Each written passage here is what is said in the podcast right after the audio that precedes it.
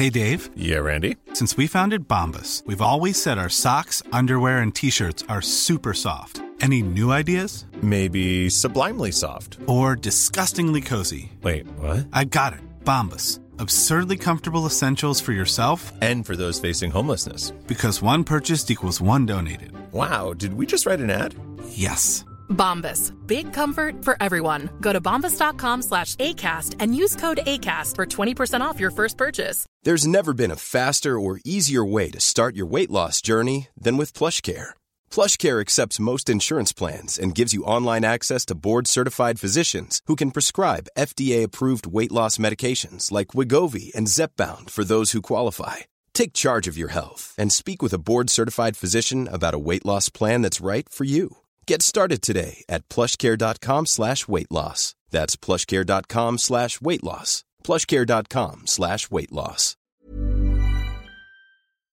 Systrarna Elvstrands hästpodd är producerad av Mediahouse by RF. Hej på er allesammans och varmt välkomna till systrarna Elfstrands hästpodd avsnitt 102.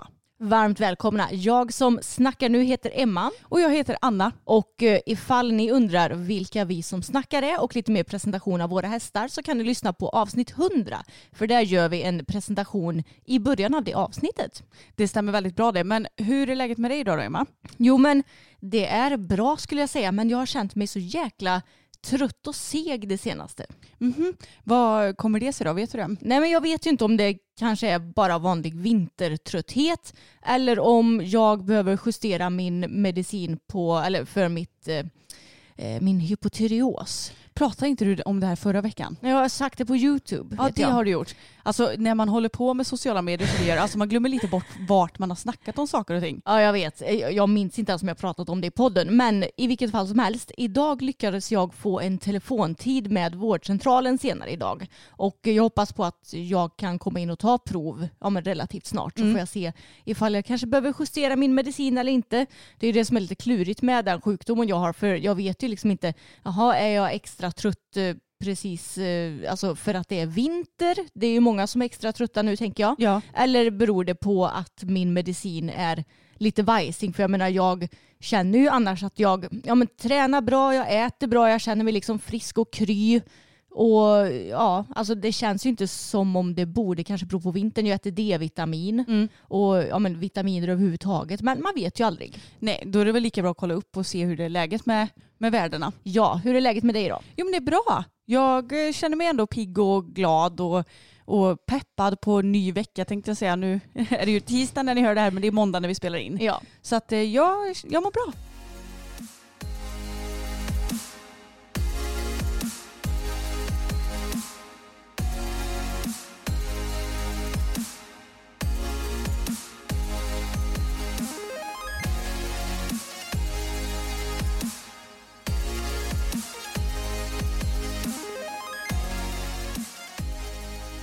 Men vi kan ta en liten uppdatering om våra hästar då kanske Anna. Det tycker jag. För eh, ja, men ni vet ju att jag har varit lite klagig här i podden.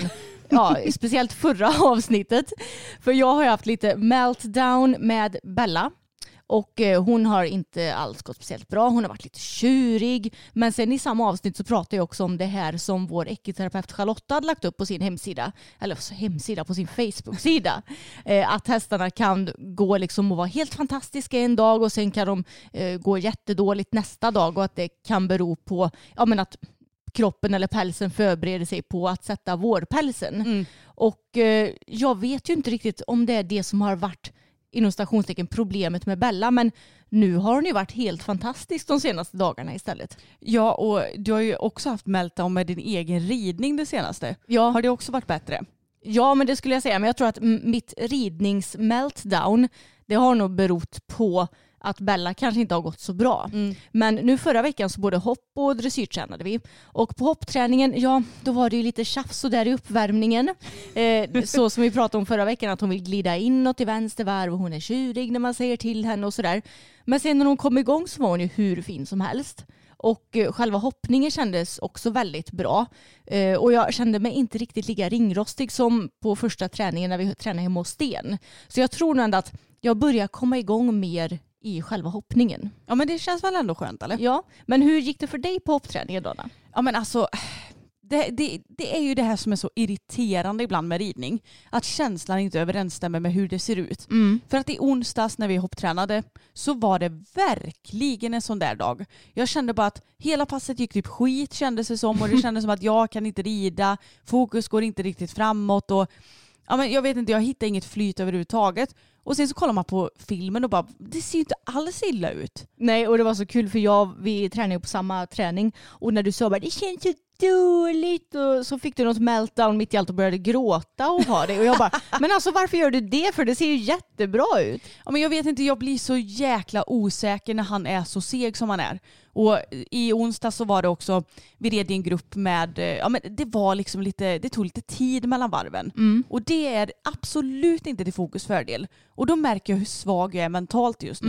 För att jag blir bara irriterad, jag tänker på saker runt omkring istället för att fokusera på oss. Och jag, vet inte, det, det blir bara att det sätter käppar i hjulet lite grann. Och jag blir så sjukt osäker när han är så långsam. För att när jag fattar galopp och ska styra iväg på första hindret, det har jag ju pratat om många gånger, då går det väldigt långsamt. Och jag tror att det är nog inte så många som hade vågat styra på ett hinder i den farten. Men jag måste ju också våga lita på att han hoppar, för han gör det. Och han brukar alltid komma igång också efter att ha hoppat första hindret. Ja. Men det är bara sådär, du vet, ah, jag, jag vet inte hur jag ska förklara det. Det kliar lite i kroppen över att han inte har bättre fart från början.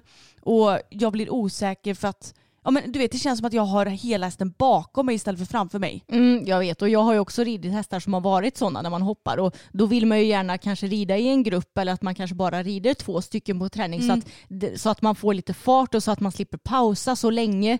Det är ju fördelen med Bella att det spelar inte så stor roll hur länge hon har pausat för hon känns ganska så likadan hela tiden och hon är oftast bra igång redan till första hindret. Men jag vet ju precis vad du menar och vilket problem det kan bli. Mm. Och grejen är att alltså, det är ju helt okej att rida i grupp, det är inte det jag menar. Men det blir bara lite jobbigt när vi antingen måste skritta runt eller stå stilla ett tag för att man inte vill vara i vägen. Och jag kan ju inte trava och galoppera runt i liksom en och en halv timme för nu tränade vi lite extra länge den här gången också för att vi var ett gäng personer som tränade i gruppen.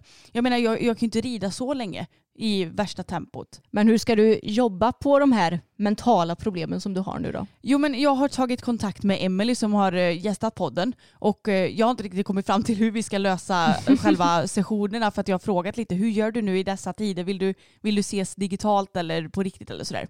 Så jag ska se till att boka in några sessioner med henne och berätta om mina bekymmer med det mentala och så hoppas jag att hon har lite nycklar ja, men som kan hjälpa mig och förhoppningsvis så tänker jag också att Ja, men då, då kommer ju det hjälpa fokus. Om jag är bättre mentalt så kommer jag kanske inte att lägga fokus på fel grejer heller. Nej, exakt. Men jag vet precis hur det är det där med att man lägger fokus på fel grejer. Det, det gör jag med med Bella och då är det ofta så här, eller med Bella, inte bara med Bella, men speciellt eftersom jag har en häst som är så pass tryckkänslig och ja, men till exempel om man befinner sig på en framhoppning, då känns det som att jag måste lägga så mycket fokus på vart typ alla andra hästar är och då blir det lätt att jag glömmer bort att rida på själva hindren och samma varje gång så här, om man eh, hopptränar, säg att Sten håller på att höja ett hinder och att jag är på väg emot hindret, då kan jag liksom inte ko- koncentrera mig förrän han är klar och har flyttat på sig. vet. Eh, och sådana grejer till exempel. Så jag är också ganska så svag mentalt för ja, men yttre faktorer som kan påverka en. Mm.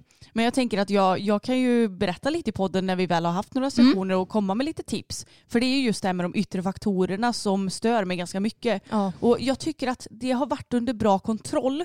Men det är klart att som med allt annat, som med gymträning, som med ridning, man behöver ju underhålla saker och ting också. Ja precis och jag tänker att ens hjärna och sinne det går ju också upp och ner beroende på hur man mår och vilka svårigheter man tar sig igenom och eh, ja, men hur hästarna är kanske mentalt också. Ja, och jag kände också att alltså jag mår ju väldigt bra nu. Men förra året var ju ganska tufft så jag tror att mitt mentala sinne är lite fördröjt. Att det ligger lite kvar i 2021 och att jag måste bygga upp det och bli stark igen i, i både ja, men i hjärnan och i själen. Ja men that makes sense tycker jag. ja, men faktiskt. Så att det ska bli jättekul att jobba lite mer mentalt nu. mm. framöver. Så jag, jag, ska dela tips om jag får några riktigt bra här. Det tror jag att jag kommer få. Ja men det låter bra. Och eh, sen så var det ju dressyrträning också. Mm. På helgen så spenderade vi lördagskvällen i stallet och ridhuset och jag var ju inte speciellt motiverad och taggad till den här träningen eftersom vi har haft våra bekymmer.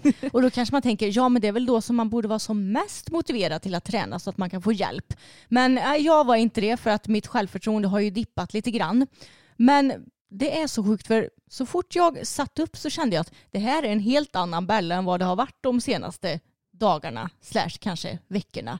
För hon var inte något tjurig. Hon var så himla fint framme. Hon var med mig med en gång. Hon tryckte inte inåt så som hon har gjort i vänstervarv utan hon kändes ganska så eh, liksidig i båda varven. Så jag kände bara, jaha, är det så här det ska vara idag. Att jag inte kommer behöva bli liksom irriterad och känna mig värdelös och hopplös och allt vad det nu är. Och eh, Johan kunde ju hjälpa oss så att vi fick till ännu bättre känsla och det som är det sjuka med att rida för Johan, nu har jag bara gjort det två gånger, det här var andra träningen med Bella för att vi har inte lyckats tajma in oss tidigare eftersom han har kommit och haft träningar på helger för att vi har haft tävlingar typ varje helg han har varit här. Mm. Eller så har vi haft något annat förhinder. Men det känns som att på de här två träningarna jag har ridit så har jag fått så många nya verktyg. Men också så känner jag att jag kommer behöva träna så mycket mer för honom för att komma ihåg allting som han säger. Och för att eh, vad ska man säga, ja, men bearbeta allt och få in den här ridningen som han ändå lär ut. Ja men befästa allting. Ja men exakt. Och det som är hans filosofi lite det är ju att ja, men dels att du ska rida med så små små hjälper som möjligt och sen att du som ryttare ska verkligen sitta i balans. För det är ju en insikt som jag har fått efter att jag börjat träna för honom att herregud vad vi ryttare skälper våra hästar. Ja och jag tycker också det är så kul för att på ridskolan så får man lära sig att man ska sitta rakt upp och ner, du ska vara rak över hästen. Mm. Och det är ju ganska konstigt egentligen för att jag, jag, tror att ja, men många hästar är säkert skeva men framförallt vi ryttare är ju väldigt skeva i våra kroppar. Mm. Och jag kan ju bara tala för egen del men jag är ju mycket starkare i min vänstra sida. Ja jag med. Så därav så väger jag ju säkert mer på min vänstra sida. Mm. Och om jag då ska sitta rakt över hästens rygg då kommer det ju bli att jag lägger mer vikt på vänstersidan och mindre på högersidan. Mm. Så därför behöver jag flytta över min vikt lite grann till höger mm. för att det ska bli jämnt fördelat över hästens rygg. Ja, precis. Och eftersom jag hade haft sådana problem nu med Bella det senaste så sa jag att vi måste träna på grunderna idag för jag, alltså bara rätt och slätt att hon ska kunna gå normalt och att vi ska vara kompisar. Så i början så red vi trav ganska länge och då red jag lätt hela tiden för att eh, ja, men jag ville fokusera på att hon skulle jobba på bra så att jag slipper tänka så mycket på eh, hur jag ska sitta ner och sådär. Och eh, då tränade vi på små, små tempoväxlingar fram och tillbaks och att hon skulle vara stadig i formen hela tiden. Och nu ska vi se här hur jag ska försöka komma ihåg vad han sa till mig. Och när jag skulle samla henne så skulle jag spänna min högra axel. Och, I båda varven? Ja, jag vill minnas att det var i båda varven. Mm. Och eh, när jag red i vänster varv så skulle jag driva med ytterskänken, alltså högerskänken, något längre bak när hon mm. satte ner det yttre frambenet. Och, så när du satte dig ner ja, i lättridningen? Mm. När jag satte mig ner i lättridningen. Och i vänster varv också då, när jag eh, när jag ville få henne att gå framåt, alltså att hon skulle länga lite på steget, så skulle jag använda mitt vänstra ben, det vill säga innerskänken, något längre fram och använde det när jag satte mig ner i sadeln. Mm. Och eh, alltså hon lyssnade så bra på det här. Eh, det roliga var att jag tyckte att jag använde mig av jättesmå hjälper och Johan bara nu har du för mycket skänkel. Jag bara men jag nuddar ju henne knappt med skänkeln tänkte jag. Så ni förstår ju att han är verkligen noggrann med att vi ska rida med små små hjälper. Ja gud ja, på, på ett väldigt snällt och trevligt sätt och alltså han är helt fantastisk. Ja verkligen och till slut när jag skulle samla henne, jag behövde ju inte använda skänkel någonting utan det räckte att jag spände min högeraxel mm. så fattade hon att hon skulle samla sig.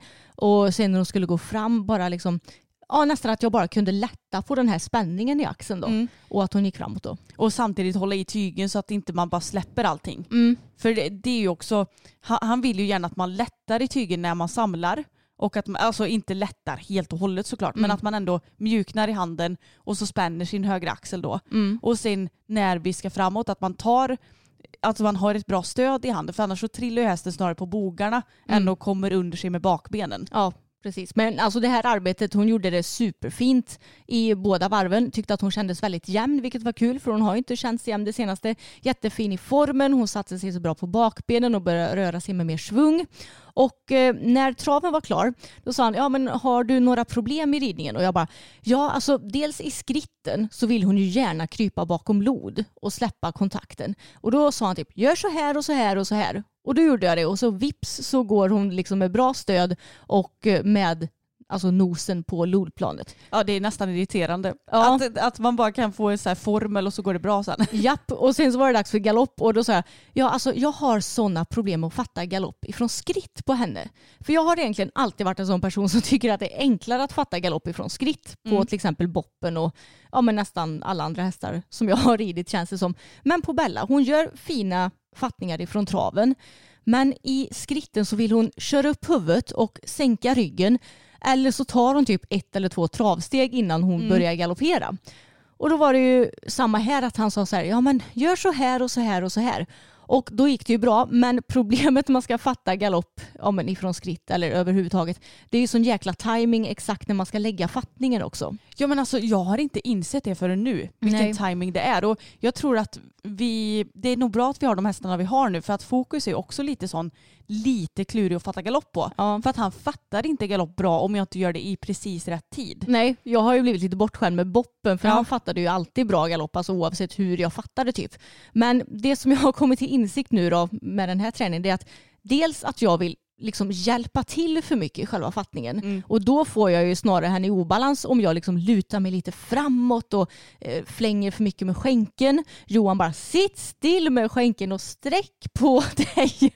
Och när jag fick till det och eh, samtidigt att jag inte ska Eh, det är främst i högervarvet tycker jag som hon vill gå upp i formen. Att jag då ska lätta lite på tygen i högervarv så att jag inte ska hålla i den.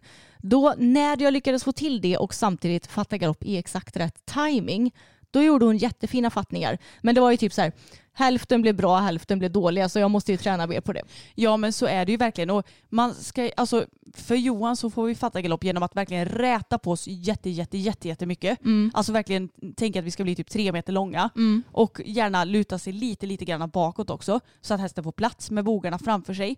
Och sen så ska man ju fatta galopp genom att bara spänna magen lite grann egentligen. Ja just det. ja. Mm. Mm. Och det är ju så svårt med timing. Jag- Han säger ju alltid så här, nu kan du fatta där, där, Ja. där. Men är det inte när hästen tar fram sitt yttre bakben? ja du, jag vågar inte säga varken ja eller nej tror jag. Nej, alltså gud jag minns inte riktigt. Vi, vi får ju befästa det här bättre så att vi kan förklara lite bättre i podden. Men ska man inte fatta galopp när hästen är liksom som längst ner i sin skritt? Jo, För han, han säger ju att du ska inte komma fram i galopp, du ska komma ner, i galopp. Ja, och dessutom så blir det ju, den, den fattar ju galopp genom att, alltså den, den börjar ju med Men- ytter bak. Ja precis, för den avslutar väl skritten med det inre frambenet tänker jag. Ja. Och sen sätter den igång med ytterbak. Måste Ja, det väl borde bli. bli så. Ja, alltså vi vågar inte riktigt svara på det här. vi får återkomma helt enkelt. Ja. Men det, det är i alla fall väldigt intressant för att jag tränade också lite galoppfattningar på fokus. Eh, och alltså när vi väl kommer in i den här tajmingen, när vi fattar vid precis rätt tillfälle, alltså vilken galopp han får eller? Ja. Det är som att han får typ 20 gånger mer energi. Mm. Och jag är ju lite, jag är ju lite för jäktig där märker jag. Mm. Att när jag ska fatta galopp att jag blir så här, ja men kom igen gå fram i skritten nu innan då. Ja men det är fram precis, i traven. precis Ja. samma här. Man bara kom igen ha lite energi så att vi kan komma upp i galopp. Men Mm. det är ju helt fel tänkt. Man ska bara ta det lugnt och fint för att de kan göra det helt själva. Mm. Bara vi inte stör dem för mycket. Ja. Men vi vill lite för mycket ibland. ja, vi vill ju det. Det är ju inte med vår mening att störa dem men det blir ju så ändå. Verkligen. Men eh, var det något mer ni tränade på eller var det det sista ni Nej gjorde? men det var väl egentligen det. Mycket galoppfattningar, sagt av till skritt, vilket ju inte heller är jättelätt på henne men det gick också mycket bättre nu när jag Mm. fick tänka på det här. Så ja, vi får helt enkelt träna på mer och så kanske vi kan komma med några fler kloka råd när vi har befäst allt lite. Ja men alltså vi är ju bara två glada amatörer som försöker att lära oss det här med dressyr. Ja. Så att eh, därför blir det lite oklart ibland. Mm. Men vad tränar du fokus på Anna? Jo men vi tränade ju vidare på lite byten. Och vi tränade ju för Johan i början av januari. Och nu har det gått kanske så här, det kanske var två, tre, veck ja, tre veckor emellan Mm. eh, träningarna. Och då hjälpte Johan oss med bytena för hur vi skulle göra. Och då blev jag så här att när jag och Emma skulle ha tränat på det här själva, eller alltså Emma stod på marken och jag gjorde själva bytena. Första gången gick det ju typ åt helvete innan vi kom på att men herregud han trillar ju helt iväg åt det hållet som jag vill byta till. Mm. Och det, då är det ju väldigt svårt att byta. Mm. Så att jag insåg att jag gjorde nog lite för mycket så som Johan hade lärt mig på träningen. Men sen så har vi tränat några mer gånger på byten och det har ändå gått väldigt bra tycker Ja. jag. Och sen så kommer jag till Johan och han bara ja men vi kör vidare med bytena då. Och alltså han gjorde så bra byten Fokus. Mm. Och Johan bara men gud det har blivit jättemycket bättre. Och det kändes så jäkla gött för att Alltså jag tycker mycket i ridningen så här, jag tränar ju ändå regelbundet för tränare och nu kommer vi dessutom att rida varannan vecka för Johan Mm. framöver. I februari kommer vi börja med det. Och det är så jäkla svårt när man sitter där själv och man ska försöka att applicera samma ridning när man sitter själv och tränar. Det är inte så enkelt alla gånger alltså. Nej det är det verkligen inte. Så det kändes så skönt att något rätt hade du och jag gjort. och Johan sa det också att alltså, dressyr är ju verkligen en lagsport. Många tänker att man sitter där och tränar själv varenda gång men alltså, man behöver ju ofta mycket hjälp på marken. Att så här, kan du kolla om bytena är rena? Kan du hjälpa mig att räkna om man ska nu rida serier till exempel i början? Kanske inte så lätt Mm. att, att göra det själv. Alltså jag tror att vi många gånger tänker så mycket att det är så ensamt men det behöver det ju inte alltid vara heller. Nej det behöver det verkligen inte vara. Sen så är det ju lätt för oss att säga som verkligen har varandra i detta och Jo. systrar och jobbar ihop och rider. Alltså vi gör ju typ allt ihop. Mm. Men det är ju sant som man säger, man behöver kanske vara flera stycken som hjälps åt. Ja, och det är ju någonting som vi tar för givet för som sagt vi har varandra Ja. och vi har ja, pappa som ofta är med och filmar och hjälper till och mamma hon hjälper ju också till i den mån hon kan även om hon är hästrädd. Så vi har det ju väldigt lyxigt i vår familj. Verkligen, men har man någon som man kan ha lite nära så är det guld värt när man ska lära sig lite nya saker framförallt. Och sen så när vi hade gjort lite byten så gick vi ju då över till fattningar. Och det tog ett litet tag innan vi fick in tajmingen på det. Men sen gjorde han jättefina galoppfattningar och när han gjorde så fina fattningar, alltså vilken galopp hästen fick. Mm. Han var så bärig och han hade sån kraft i galoppen och var så rund och fin. Och då fick jag gå in och samla galoppen lite och göra lite tempoväxlingar och sådär. Och sen så sa Johan bara, nu har du en så bra galopp, in och byt med dig nu. Så då gjorde vi något byte och alltså jag var bara så här, gud det går så himla bra, han är så fin, han är så duktig. Fast samtidigt får man ju tänka bara, fast han är ju duktig för att jag gör rätt. Ja. Och för att vi får den hjälpen till att göra korrekt också. Mm. Så det var väldigt härligt. Och så avslutade vi med lite trav. Och jäklar vilken trav han fick också. Mm. Han var superfin. Ja men problemet är väl bara att jag tänker så att ah, ja, nu ska vi trava och så tänker inte jag så mycket mer på det för att så här, man tänker på att man ska sitta ner i traven, man ska hålla en balans och sådär. Men han går ju lite och såsar i traven. Mm. Så Johan sa det, nu så får ni faktiskt sätta upp tempot lite, kom igen nu. Och så skulle vi driva i rätt tid där också. Mm. Och det är ju också när han sätter ner ytter fram, Mm. måste det väl bli. Ja, Och då ska jag driva med mitt ytterben. Eller ljuger jag nu? det är väl om man ska samla Ja just det, tvärtom med mitt innerben Mm. då. När han sätter ner ytter, ytter. Ja. fram. Mm. Som sagt, det är alla de här detaljerna som vi måste befästa. Mm. Men eh, alltså, han var så fin när jag drev på honom framåt. Ja. Alltså han hade sån sjukt fin trav. Och det roliga är att vi har ju faktiskt filmat den här träningen så att ni kommer ju kunna se det här lite mer live också. ja men precis och pappa han var ju så rolig för han filmade typ så här. Ja vi tränade i 45 minuter. Jag tror att han filmade kanske, kanske 40 minuter var. Alltså 40 minuter när Anna tränar, 40 minuter när jag tränar. Åh herregud. Och då var det också så här, nu får jag verkligen fokusera på att jag rider och inte att jag liksom ser att han står där och filmar exakt hela tiden. eh, det var lite mental träning för mig för han filmade typ så här när eh, han stod på läktaren och filmade och då filmade han typ när jag skrittade och Johan gick bredvid mig och pratade och det hörs ju ändå inte i filmen så varför filmar han sånt här? Alltså idag ska jag redigera den här filmen, jag kommer få sitta i flera timmar och göra det. Ja, och det är ju verkligen så här på gott och ont att filma mycket för att då missar man ju kanske inte om man gör något jättebra eller jättedåligt för den Nej. delen. Men det är klart att det blir väldigt bastigt om man nu ska sitta och klippa ihop det här till en YouTube-video. Ja och tyvärr så kunde inte du och jag filma varandra för vi red ju precis före och efter varandra Ja. och då går ju inte det. Annars så, vi har ju kanske väldigt bra känsla med ja nu ska jag nog filma, nu behöver jag inte filma. Mm, exakt, men det är ju inte så enkelt för lilla Nej. pappa.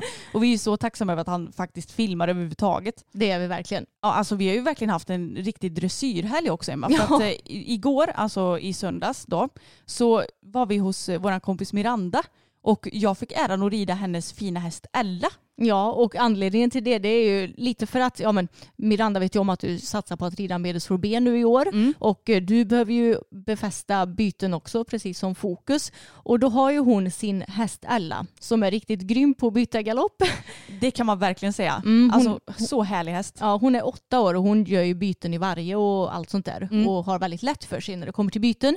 Så då sa Miranda att ja men du kan komma och, och så kan du rida eh, Ella Anna så att du får träna på byten. Och eh, bytesträning är ju bra tänker jag oavsett vilken häst du sitter på för du behöver ju mängdträning. Verkligen och det är ju så himla mycket timing också. Ja. Och det är ju inte alltid så enkelt heller för att Ella är väldigt annorlunda om man jämför med Fokus för att Fokus Mm. är lite större och längre och lite långsammare medan Ella hon samlar sig gärna väldigt lätt Mm. och är ganska så, ja men vad ska man säga, alltså stampigare än vad Mm. Fokus är.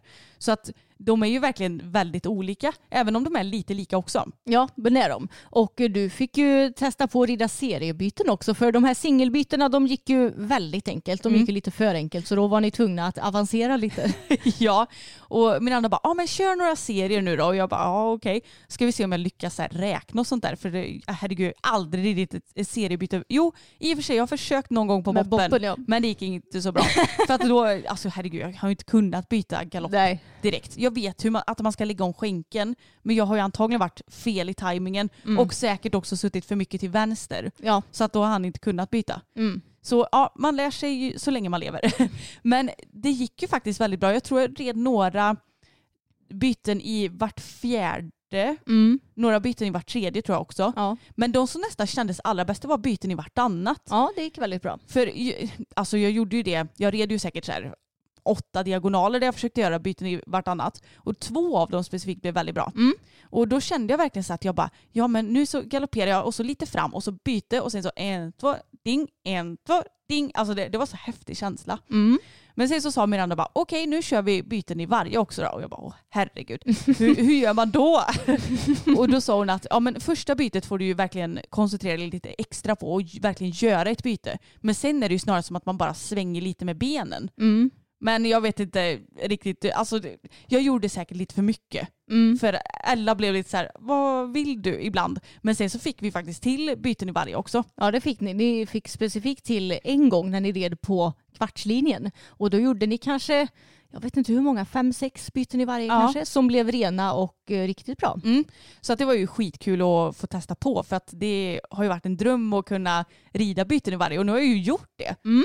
Även om jag, jag kan inte säga att det är min förtjänst för att Miranda är sjukt bra på att utbilda hästar. Mm. Jag har ju ridit hennes eh, Pippi också. Ja. Henne lyckades ju inte ens göra ett byte på i och för sig. Nej. Men eh, det var ju också tre och ett halvt år sedan. Ja. Jag var inte lika duktig på att rida som jag är idag.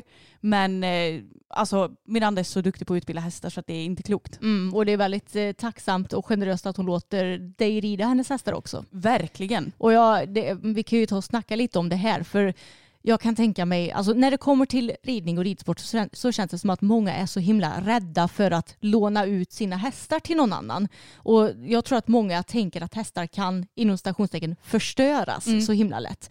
Ja men som nu till exempel när du red Pippi, att och varför ska en ryttare som är sämre än Miranda rida Pippi? Då kanske hon förstör Pippi så att inte hon kan byta galopp med Miranda sen. Mm. Men så är det ju inte. Nej jag menar Miranda och Pippi till exempel då, de har ju verkligen en uppbyggd relation. Mm. De kan alla sina signaler och de, de, de kan ju allting tillsammans. Mm. Så jag menar, jag är ju en helt ny ryttare för Pippi. Då är det klart att hon inte riktigt förstår mig eftersom jag inte gör exakt som Miranda. Mm. Och det är ju där det skär sig. Inte att så här, nu har jag förstört alltså bandet mellan Pippi och Miranda. Nej, precis. Alltså jag tänker det ska nog krävas ganska mycket för att du ska förstöra en häst av att bara rida den en gång. Det kanske är att, ja men som nu när du red Ella till exempel och ni kanske inte riktigt satte alla byten i varje, eh, varje steg i början. Hade du då blivit arg och liksom skällt på henne Ja. och piskat henne eller vad fan som helst. Alltså ja, då hade det ju blivit kanske ett trauma för henne. Ja, Och då kanske man hade kunnat förstöra en häst. Men om det bara är så att ja, men kommunikationen funkar inte riktigt men du gör ingen stor grej av det. nej. Alltså då kvittar det, det kommer ju gå lika bra nästa gång Miranda hoppar upp och ska rida Ella för hon kan ju redan det här med bytena och, och sådär.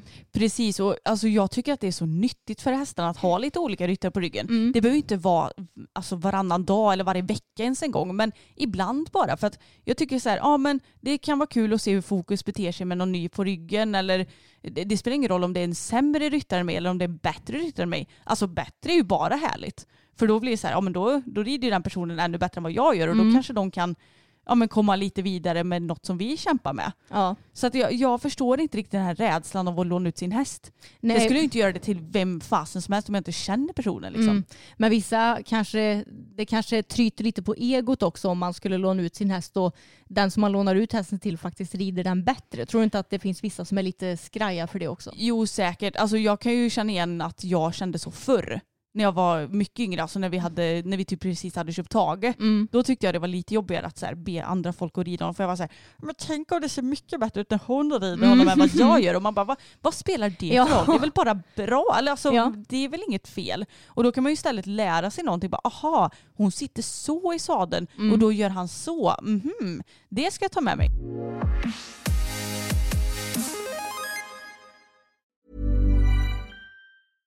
Ready to pop the question? The jewelers at BlueNile.com have got sparkle down to a science with beautiful lab grown diamonds worthy of your most brilliant moments. Their lab grown diamonds are independently graded and guaranteed identical to natural diamonds, and they're ready to ship to your door. Go to BlueNile.com and use promo code LISTEN to get $50 off your purchase of $500 or more. That's code LISTEN at BlueNile.com for $50 off. BlueNile.com code LISTEN.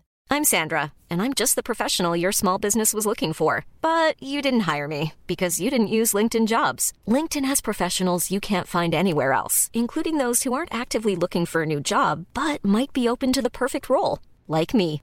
In a given month, over 70% of LinkedIn users don't visit other leading job sites. So if you're not looking on LinkedIn, you'll miss out on great candidates like Sandra. Start hiring professionals like a professional. Post your free job on linkedin.com/people today. För drygt en vecka sedan så hade Husaby en klinik med Stephanie Holmén och planen var ju att vi skulle åkt dit och vara på plats fysiskt. Men eftersom det har blivit som det blivit med corona så fick ju den fysiska kliniken lite ställas in och den hölls digitalt istället. Och då kikade vi på den och det var ju väldigt tacksamt att eh, det kunde gå att ordna på det viset. Verkligen, och det var väldigt bra ordnat också måste jag säga. Bra Ja. filmat och, och bra ljud och sådär. Så Ja. jag tyckte att det var jättebra. Ja men det var riktigt snyggt så det var kul att se. Eh, sen så tycker jag väl kanske inte riktigt att det kändes som en klinik utan det var mer som att vi tittade på när hon höll en träning för några ryttare. Mm, lite så var det faktiskt. Men vi fick ju ändå med oss några grejer från den här träningen eller kliniken. Mm, precis och jag tänkte att eh, då, jag har skrivit upp två grejer specifikt som satte sig lite i mitt eh, minne när jag tittade på den. Och eh, det första som Steffi pratade om det var att det är lättare att hålla balansen när man lägger till ett språng än när man tar bort ett språng. Alltså till exempel när du rider mellan eller en linje och säger att det ska vara fem språng på den linjen. Då är det lättare att rida på sex språng än att rida på fyra språng. Och det kan jag känna igen mig mycket i för jag är ju hellre sån att jag lägger till ett språng än att eh, alltså ta bort ett språng. Ja, det är verkligen jag också kan jag säga. Mm, precis, och därför så sa Steffi att det är viktigt att träna på att rida med en stor och lång galopp även i vardagsarbetet. Så att du kan ta bort galoppsprång vid hoppning när det behövs. Och jag menar det finns ju många tillfällen när du behöver göra det. Vid omhoppning till exempel. Kan det vara bra att kunna göra det. Eller om du kanske kommer väldigt eh, stort på ett, eh, alltså första hindret i en distans och tänker att nej men då kan jag lika gärna rida på ett språng mindre. Kanske ta in bågen lite och snäva lite. Eh, så det är ju någonting som jag har tagit med mig att jag måste träna på att faktiskt rida kanske i lite högre tempo med längre galoppsprång och samtidigt träna på att hålla balansen. För det blir ju kanske lätt så när du rider med större språng att då är det lättare att hästen landar i fel galopp efter hindret eller att kanske hästen blir flack och river. Så det är helt klart någonting som jag ska ta med mig och träna på. Ja men det behöver jag också göra för att många gånger så sitter man ju gärna och rider i en galopp som är bekväm för en själv och hästen Mm. för att man har balansen där. Men Steffi sa ju det att alltså, det, det är bara att köra på. Man måste våga rida på lite och i början kommer det kännas äckligt eller obekvämt. Men till slut så kommer det ju ändå bli hyfsat bekvämt för att man blir van vid det Ja. och man får bättre balans. Ja, men precis. Och sen pratar hon också mycket om att jobba med precisionen även vid små hinder. Och eh, det är någonting som jag också kan känna igen mig i för det känns som att många kanske blir lite slarviga när man har framme små hinder och tänker att ja men det spelar ingen roll om jag kommer lite nära eller lite långt ifrån. Men det är ju kanske snarare att du ska tänka att det är en tillfällighet att faktiskt träna på precisionen vid de här små hindren. För jag menar på tävling så kan ju det bli avgörande ifall du river eller inte och du vill ju ha kontroll på precisionen även i en omhoppning till exempel så att du kan lägga hästen bra på hindren även om du snävar in vägarna, även om du rider i en större galopp. Så ett tips att träna på precisionen på små hinder och det är också någonting som sliter väldigt lite på hästen om du rider på små hinder. Ja, och jag menar om vi inte kan komma bra på små hinder då kan vi inte räkna med att komma bra på stora hinder heller. Nej. Lite så tänker jag i alla fall. Nej, min, eh, min svagdel, eller svaghet när det kommer till hoppning och markarbete och sådär, det är ju bommar. Ja. Alltså jag är helt blind när det kommer till att rida över bommar. Och alltså det är väl en sak om man bara har bommar, men när man har bom och sen att det ska vara ett hinder efter bommen. Jag blir så brainfucked av det så det går liksom inte. Men är det bättre, säg att det skulle vara en, eh, alltså en upphöjd bom, typ att det ligger på block, då Ja, går det bra. Då går det bättre. Men Alltså, är det bara en bom så bara... ja, alltså jag vet inte vad det är för fel på min hjärna men det, alltså, det går inte. Nej, men jag har också svårt för det. Men därför ska vi också bli duktiga på att träna på detta också. Ja, vi får väl bli det. det är ju, problemet är ju bara att vi rider ju ganska sällan med så här bommar och små hinder hemma för att vi rider ju inte så mycket på banan och då blir det att när vi väl hoppar då är det typ när det är hoppträning eller tävling kanske. Ja. Och, och visst, då är det ju bommar och sådär ibland och då rider jag oftast inte speciellt bra under den delen av träningen. Men är det inte Peder Fredriksson som säger bara, nej men bommar har vi inte på tävlingen då? Eller vem är det som säger så? Vem var det som sa det? Det Fredrik Jönsson? Jönsson tror jag det var som sa det. Och ja, det, det, det håller jag faktiskt verkligen med om. Ja, men det är ju också bra. Alltså det finns ju jättebra övningar med bommar Mm. inför hinder och sådär.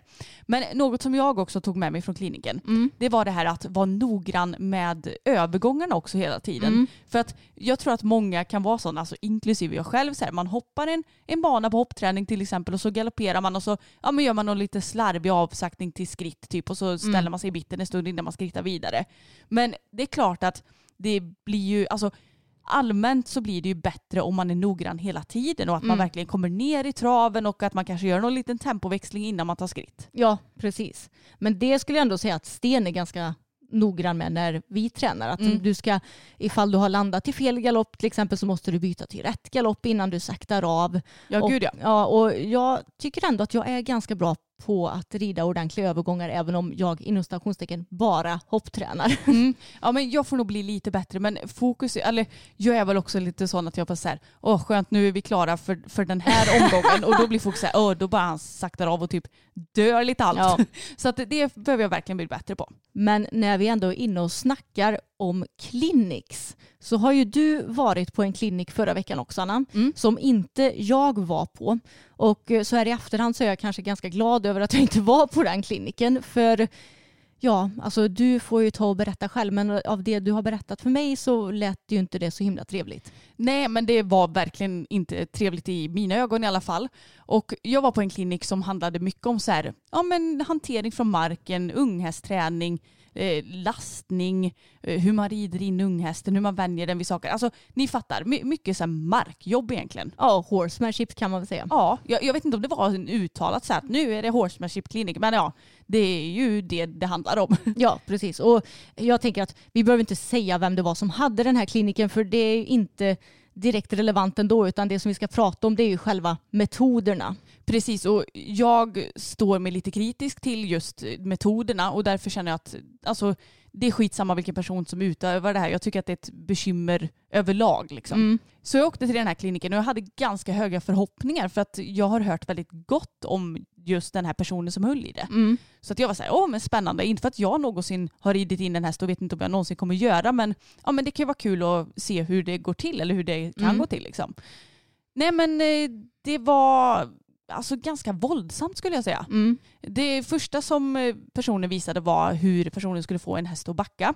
Och då hade den en häst som var oinriden då Mm. och inte sådär jättemycket hanterad men den skulle väl fylla tre år tror jag. Ja. Så att det var ju ändå så här, ja, men det börjar bli dags för inridning. Det är ju såklart alltså valfritt när man vill rida in en häst. Mm. Men eh, jag, jag tror att det ändå är dags för den att ridas in sådär. Mm. Så då när personen skulle få hästen att backa så sa personen att jag gillar inte att eh, ja, men, vifta i grimskaftet. Och då Mm. antar jag att eh, den här personen menar så som du och jag brukar göra. Ja precis, att man wigglar med grimskaftet. Ja, så att den blir som en liten orm. Ja precis och det tycker jag personligen är ett väldigt trevligt sätt för ja, men vi, när vi tränar våra hästar så rider vi, eller rider, så har vi ju på repgrimma vilket ger en väldigt tydlig kommunikation till hästen och sen så har vi ett ja, arbetsrep Mm. kallas det ju för och då börjar man ju med väldigt små hjälper och bara röra lite på fingret och sen så kan man öka tills hästen förstår att den ska backa och hästarna kanske inte förstår i början men de lär sig på ett väldigt tydligt sätt och jag tycker det är ett trevligt sätt. Du kan snabbt ge eftergift och det blir inte allt för mycket tryck direkt på hästen. Exakt och jag menar nu för tiden så behöver vi ju bara alltså, skaka lite på vårt pekfinger så Mm. fattar ju Bella och Fokus vad de ska göra. Ja. Så att det är väldigt, eh, väldigt snällt tycker jag. Men det här var liksom att, ja men dels så var ju själva mm, huvudlaget, det var väl någon vanlig grimma tror jag. Mm. Och så tror jag, jag satt lite längre ifrån så jag såg inte exakt, men jag tror att det var en kedja som satt liksom från där, där man fäster grimskaften när man ställer hästen uppstallad på gången. Ja, på sidorna. Från, ja, från den ena till den andra och så Mm. att man sätter ihop det som en hingstkedja. Ja. Fattar du vad jag menar då? Yes. Mm, och så satt det väl ett lite längre grimskaft i den här kedjan då.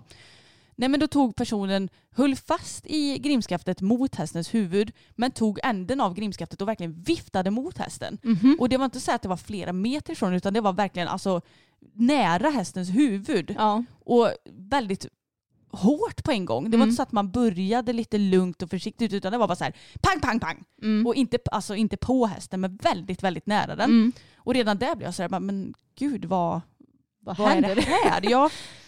Och sen så skulle personen i fråga lära den här hästen att bli longerad och då hade, då hade de satt upp typ som en ganska fyrkantig, eh, alltså det var ingen rund korall utan Mm. en fyrkantskorall då, Ja. som var jätteliten.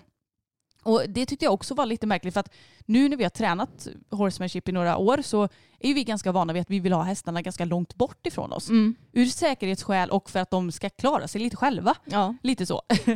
Men det här var väldigt litet och då så bad personen hästen att, ja men egentligen, ja, först så ledde väl personen runt hästen lite grann och drog i princip runt den bara. Alltså det, det var inte så att den fick tänka någonting själv utan den gick bakom och då blev också så här, nu får inte den fundera själv på vad den gör direkt. Mm.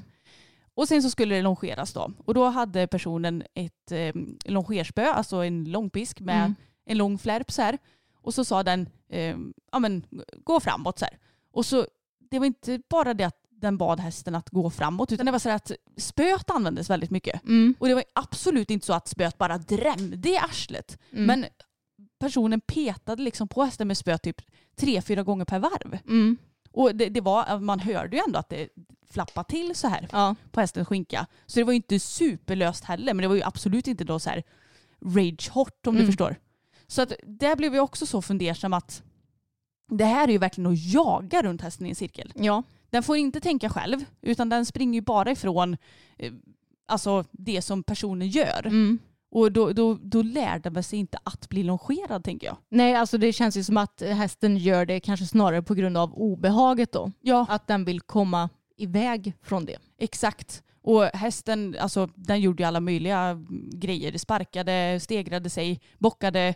Eh, alltså du förstår, den, såg verkligen inte bekväm ut. Nej, den visade på obehag och försökte protestera. På alla sätt det. och vis. Mm. Och viftade på svansen ständigt och sådär. Och så var personen väldigt noga med att hästen skulle få en paus.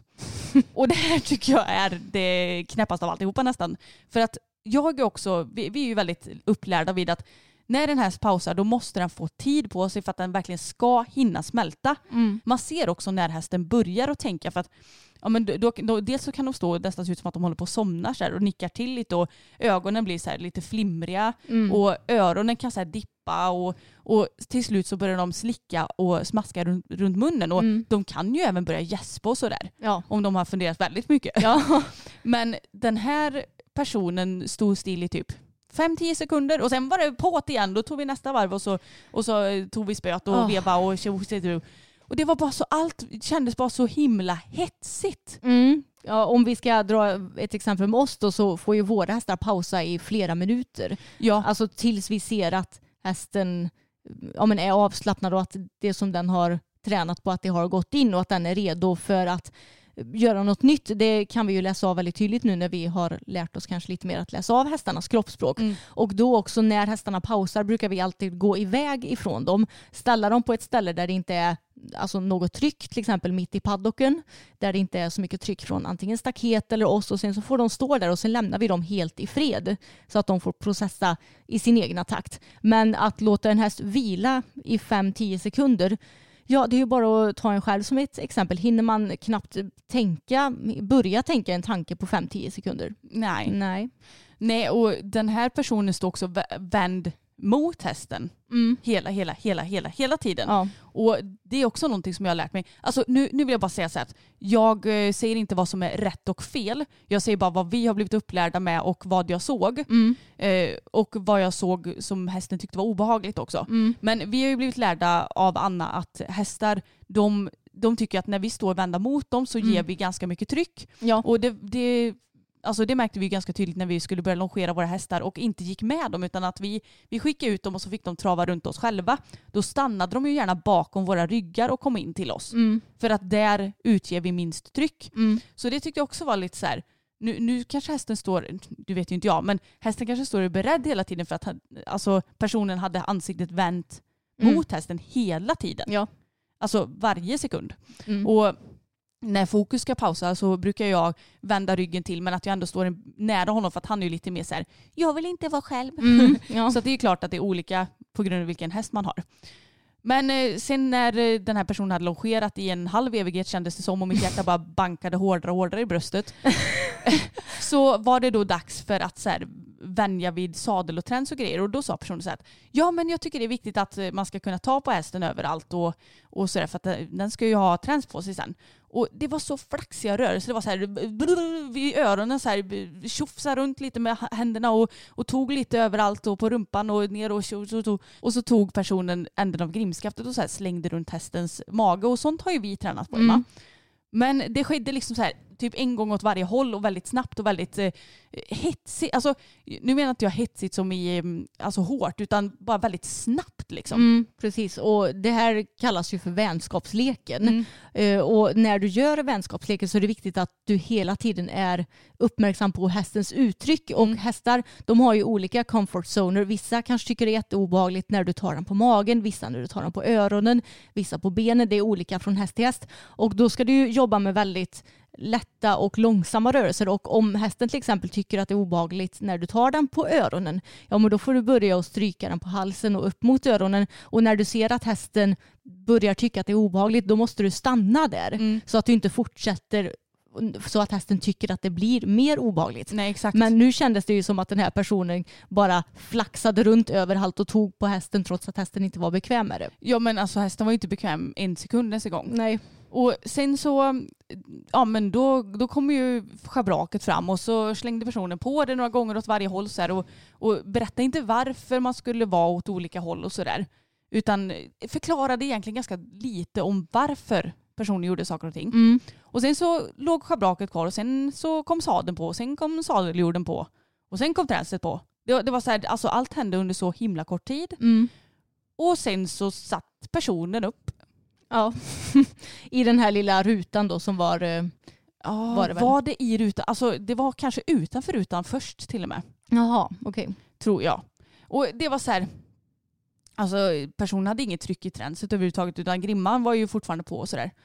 Men och det, det gick ju bra men jag kände bara att det här hade verkligen kunnat gått käpprätt åt skogen också. Mm. Alltså i mina ögon i alla fall för att hästen stod och viftade på svansen konstant och såg inte bekväm ut. Nej, jag har ju sett en liten film på, på det här när personen hoppar upp på hästen och ja, hästen ser ju inte bekväm ut. Nej, så att det var bara så här. eh, Alltså jag tyckte att det kändes lite som att så här hur man bryter ner en häst på en och en halv timme. ja men alltså lite så faktiskt. Du sa till mig, hade det varit min häst hade jag slitit av personen ifrån den. Du, personen hade inte ens hunnit komma upp på ryggen. Jag hade tagit ut hästen för länge, länge, Jo, länge, länge sedan. Det vet jag.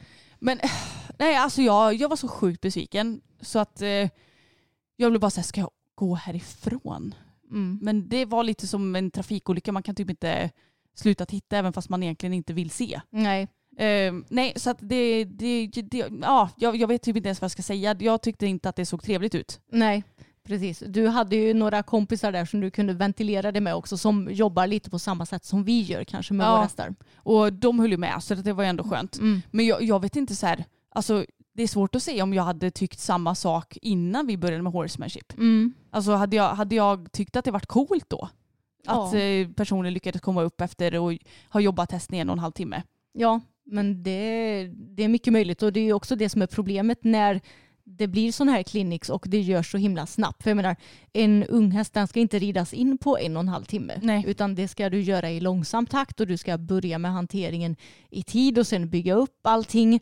Och jag menar, alltså det kanske finns en del människor som går på sådana här clinics som inte är Alltså som inte har tränat lika mycket på horsemanship som vi har gjort och som inte kanske kan läsa av hästens signaler och kroppsspråk så mycket som vi kan.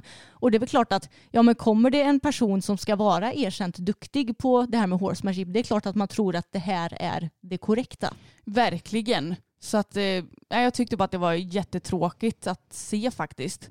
Eh, och dessutom så tyckte jag också att det var lite lustigt för att den här hästen blev ju jobbad då i ja, men typ en och en halv timme nästan. Mm. Och då sa personen att nej men eh, hemma så jobbar, jobbar jag mina unghästar i max eh, ja, 20-30 minuter varje dag. Mm. Och då går det inte alls så här fort framåt. Och jag kände bara, men varför i hela helvete gör du ett undantag med den här hästen? Ja. Alltså, jag, jag, jag blir så frustrerad bara jag tänker på det. Mm. För att jag menar, kommer den här hästen ha någonting positivt ut av longering eller uppsittning?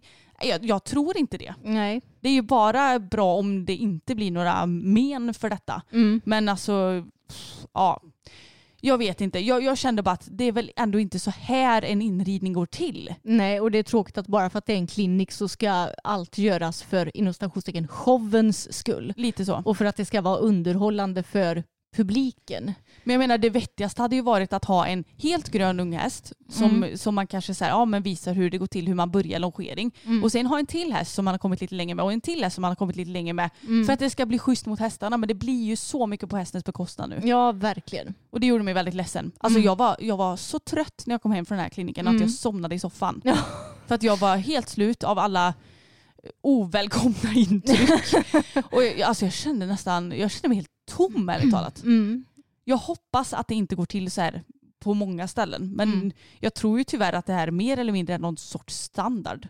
Ja, precis. Och jag tänker att det som kanske händer för hästarnas skull om de är med om den här typen av hantering, det är väl att de säkerligen går in i någon form av inlärd hjälplöshet. Och ja, det, Och stänger helt av. Och precis, och bara stänger av för att det blir lättast Mm. för dem.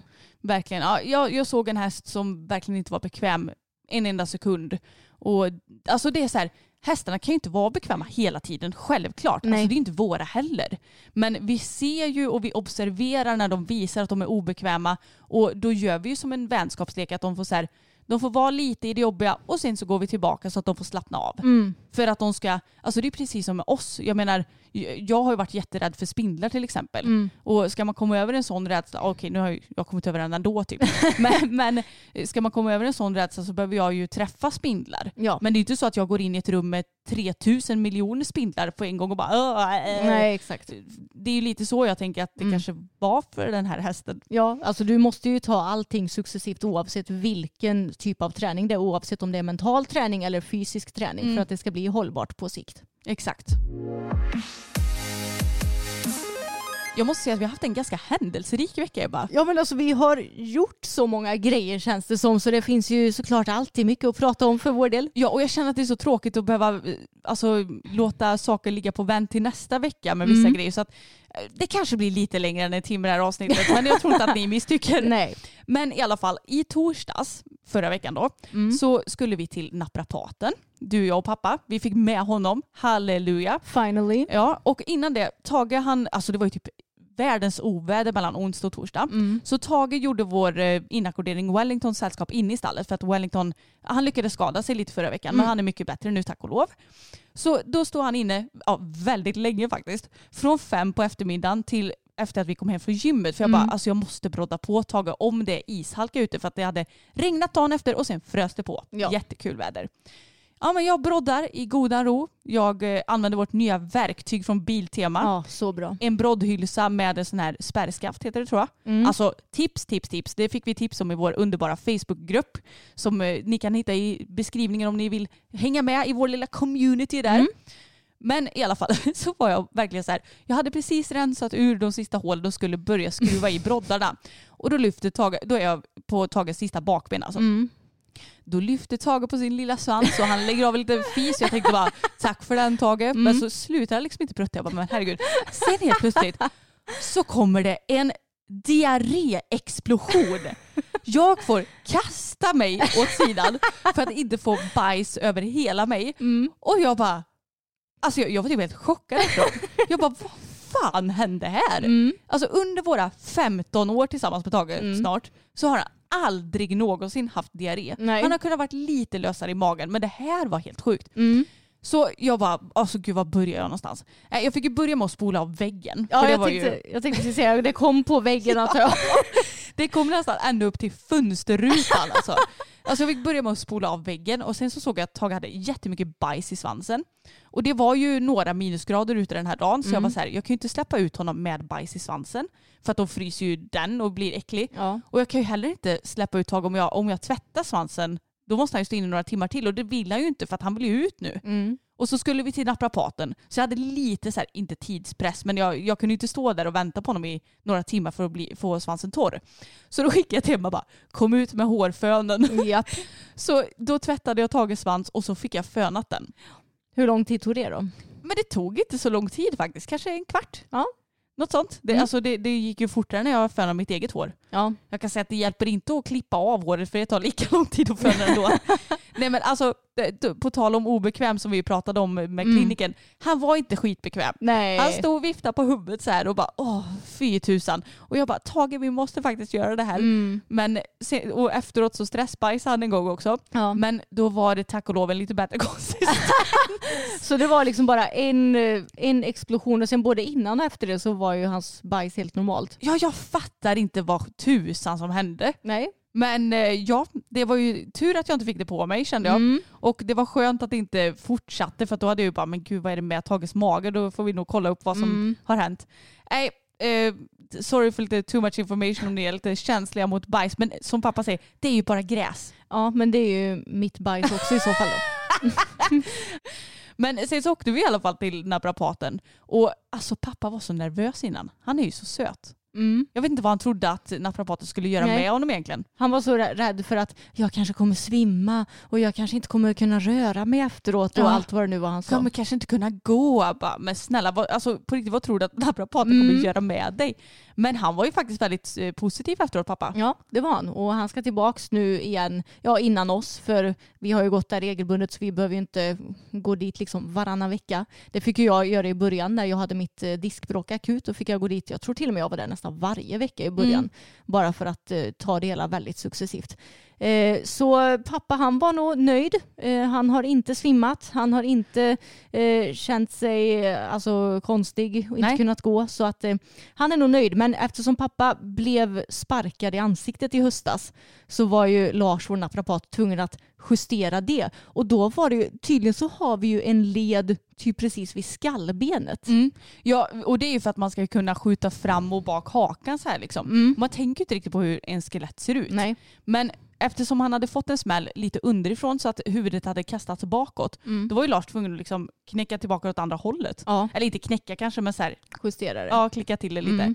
Så det såg så himla lustigt ut och det var väldigt intressant för att vi tre var ju inne samtidigt hos Lars. Mm. Så då, såg, då fick vi ju se varandras behandlingar liksom. Men eh, ja, det, pappa var väldigt nervös i början alltså. Han är så gullig. Ja, det är han. Något som vi ju är väldigt noggranna med det är att rida ut för att våra hästar ska få omväxling och det kanske inte är lika kul för oss ryttare. Eller ja, pappa håller ju inte med. Han tycker att Nej. utritt är bäst. Ja, det tycker han. Och eh, för oss är det inte lika kul nu heller när underlaget är som det är. Nej. Det är ju väldigt frösigt ute, det ligger ingen snö på vägarna så att det är väldigt stumt och hårt så det får bli lite lugnare uteritt just nu. Ja, men huvudsaken är att man kommer ut och gör någonting tänker Mm. jag. Men då skulle vi rida i, när var det? I fredags. Fredags. Mm. Och då fick vi med oss papsen, den nyjusterade papsen. och så frågade jag, vilken häst vill du rida? För han brukar ju rida Bella. Mm. Och då sa han, nej men jag tar nog gärna fokus den här gången. Och då hade du väl redan ställt in på att du skulle rida Tage. Ja. Så då frågade du mig om jag ville rida, rida Bella och jag bara, ja men det kan jag göra. Så sagt och gjort, alltså jag tror typ inte, det är ju väldigt sällan jag har ridit ut på Bella. Mm. Så att jag bara, ja men det kan jag göra. Tog på det bettlösa som vanligt och eh, pappa red även på bettlöst för första gången på fokus. Ja. För vi hade inte startat bettvärmarna eftersom vi antog att jag skulle rida fokus. Mm. Nej, så då red vi ut då och Bella hon är ju en racertant kan man säga. Ja, det är hon verkligen i skogen och i synnerhet när man har det bettlösa tränset på för då kan hon ju dra iväg utan att man kan ta lika bra förhållningar. Exakt. Okej, racertant kanske inte kan kalla henne när, när hon fyller nio år. Nej. Nej. Men racerdam då? Eller Ja. racerkvinna? Nej men i alla fall, hon är ju väldigt, väldigt snabb. Hon Mm. vill helst ha, alltså säger man så här, ja men börja trava, då vill hon trava, inte slängtrav, men nästintill. Ja men alltså någon form av ökad trav slash slängtrav. Det är ju hennes komforttrav i skogen. Verkligen, om man känner att så här, hon är ju verkligen inte under sig med bakbenen utan man känner att hon paddlar på bakåt nästan med benen. Förstår du vad jag menar då? Mm. Ja. Så att hon, eh, ja, alltså jag har ju kommit fram till att jag tror att hon är lat. ja men hon är ju det och då försvarar hon ju sig på olika vis och när vi då rider ut i skogen då är det ju mycket, mycket enklare för henne att försvara sig genom att springa snabbt. Ja, exakt. Så att hon försöker ju komma undan arbetet helt enkelt. För att pappa säger ah, Bella är så rolig, hon är så pigg ute i skogen. Men så har jag funderat lite så här. Och så när jag red henne själv, jag bara Nej, alltså ja, hon är kanske lite pigg, men framförallt tror jag fast att hon inte orkar jobba bara. Ja, ja. Så att jag var lite så här, nej men nu ska vi komma lite till arbete. Och vi fick faktiskt en fråga hur vi gör med hästar som är lite så här springa i skogen. Och kanske antingen pigga eller som Bella, lite lata.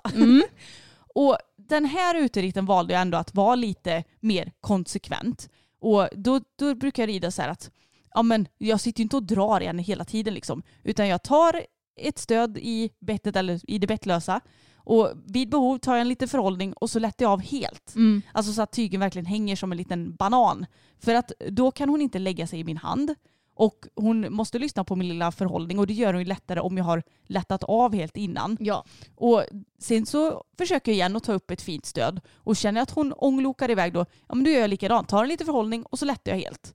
Så att det blir ju kanske att man får sitta och flaxa lite med sina armar med jämna mellanrum så här. Men jag tycker ändå att det funkar bra. Ja, och i synnerhet när man rider på det bettlösa för det är ju hopplöst. Hästarna kan ju bli hur starka på det som helst. Om man bara liksom sitter och har ett konstant stöd till nosen. Då är det så mycket bättre att lätta av helt och hållet så att det inte finns någonting för dem att hänga sig fast i. Och sen att man tar en liten halvvalt. Och pappa han var väl lite skeptisk till att rida på bettlöst eh, på fokus första gången va? Ja, han sa ska jag verkligen rida på det där? Jag bara ja, ja, men det är väl lugnt så här. Han bara okej. Och sen så sa han bara det går ju inte att svänga. Jag är ju rädd för att han ska eh, råka styra in i ett träd så att jag smäller i knä. jag bara men herregud, alltså någon koll har väl fokus ändå på vart han springer tänker Ja. jag. Men eh, ja, jag tror inte att pappa älskade det bettlösa. Nej, vi fick ju säga det till honom att du måste också lätta av helt och Ja. sen ta förhållning för att du kan inte sitta och hålla hela tiden. Eh, nej, så han föredrar nog att rida på bett tror jag. Men vi tycker att det är trevligt att variera med bettlöst i skogen. Ja, det gör vi ju. Och jag tänker också så här att det här med att hästar är lite pigga och springa i skogen. Jag tänker lite så här att varje gång man rider ut behöver man kanske inte sitta och vara en, en tråkig tant på ryggen som Mm. sitter och bromsar. Utan ibland kan de väl få springa på lite. Ja. Men vissa gånger tycker jag ändå att man kan välja lite sina, inte fighter, men sina gånger som man faktiskt jobbar lite Mm. mer på det. Och det är väl egentligen mitt bästa tips att så här, ja men säg att du rider ut två gånger i veckan, ja men då kan väl en gång av dem vara väldigt kravlöst att hästen får lite springa i vilket tempo den vill då. Förutsatt att det inte blir farligt förstås. Och en av dem kan vara lite mer, ja men nu ska du jobba och nu får jag sitta här med mina halvhalter. Mm. Det viktigaste är ju bara att det inte blir hängande varken med bettlöst alternativ eller med bett. En lite sorglig nyhet som kom ut förra veckan det var ju att den kända hingsten Briar har gått bort. Ja, det har han gjort och han blev ju faktiskt, eller han skulle ju fylla 31 eftersom han är Ja. lika gammal som dig Emma. Ja, han var född samma år som mig. Mm. och det, jag tycker att det är, det är lite sorgligt varje gång en kändishäst går bort. Men på ett sätt är det ju fint med Briar för han blev ju ändå så pass gammal Mm. och eh, har säkert haft ett, en väldigt härlig ett väldigt härligt liv som pensionär nu i många år också. Och eh, Briar är verkligen en häst som alltså jag kommer ihåg och har minnen av personligen. Eh, vilket jag inte har med alla ja, men, kändishästar som har gått bort. Nej, verkligen samma här. Mm, och- Det känns ju som en verklig ikon. Ja men verkligen och jag minns de här, kommer du ihåg de här filmerna som heter typ Börja rida, Ja. Börja tävla och då vet jag att då var ju Jan och Briar med i dem Mm. och det är väl typ, ja men nästan kanske mina första minnen av den hästen och sen så har man ju ändå följt dem lite på tävling och sådär också. Mm. Men gud, jag blev typ sugen på att se de där gamla Ja, filmerna. med. det var VHS-filmer. Ja, Eh, och eh, ja, men jag har för mig att de var bra och väldigt pedagogiska. ja men det, det vill jag minnas också. Och de hette ju typ Börja rida, Börja tävla, Rida dressyr, eller Ja. ja. Börja rida dressyr och Börja rida hoppning. Alltså det Hoppning, var ju ja. lite så här inriktat på olika grejer. Mm. Gud vilken eh, minneslucka du öppnar hos mig här Ja, nu. verkligen. Alltså, varför har vi ingen VHS så att man kan kolla på så här gamla filmer? Ja, jag vet inte, men har vi ens några VHS-filmer kvar? Det, alltså, det här är ju tragiskt. Vi har ju filmer från när vi var barn Mm. som är på VHS men vi kan ju inte titta på dem längre för vi äger ingen VHS. Nej, und- mamma har ju säkert kvar dem hemma i sitt förråd.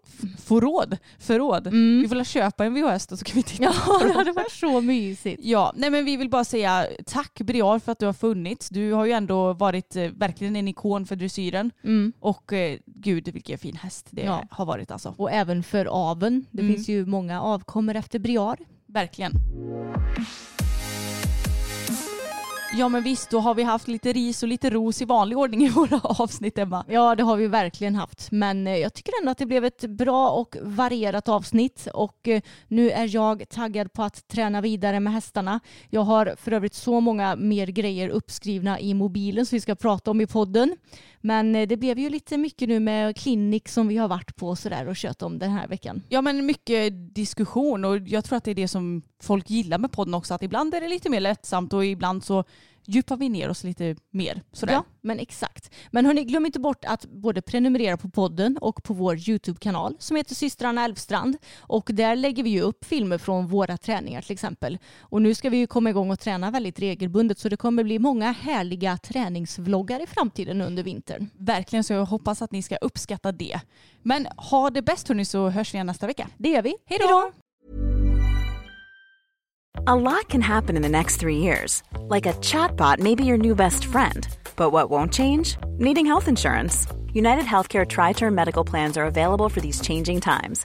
Underwritten by Golden Rule Insurance Company, they offer budget friendly, flexible coverage for people who are in between jobs or missed open enrollment. The plans last nearly three years in some states, with access to a nationwide network of doctors and hospitals. So, for whatever tomorrow brings, United Healthcare Tri Term Medical Plans may be for you. Learn more at uh1.com. Mom deserves the best, and there's no better place to shop for Mother's Day than Whole Foods Market. They're your destination for unbeatable savings, from premium gifts to show-stopping flowers and irresistible desserts. Start by saving 33% with Prime on all body care and candles. Then get a 15-stem bunch of tulips for just $9.99 each with Prime. Round out Mom's menu with festive rosé, irresistible berry chantilly cake, and more special treats. Come celebrate Mother's Day at Whole Foods Market.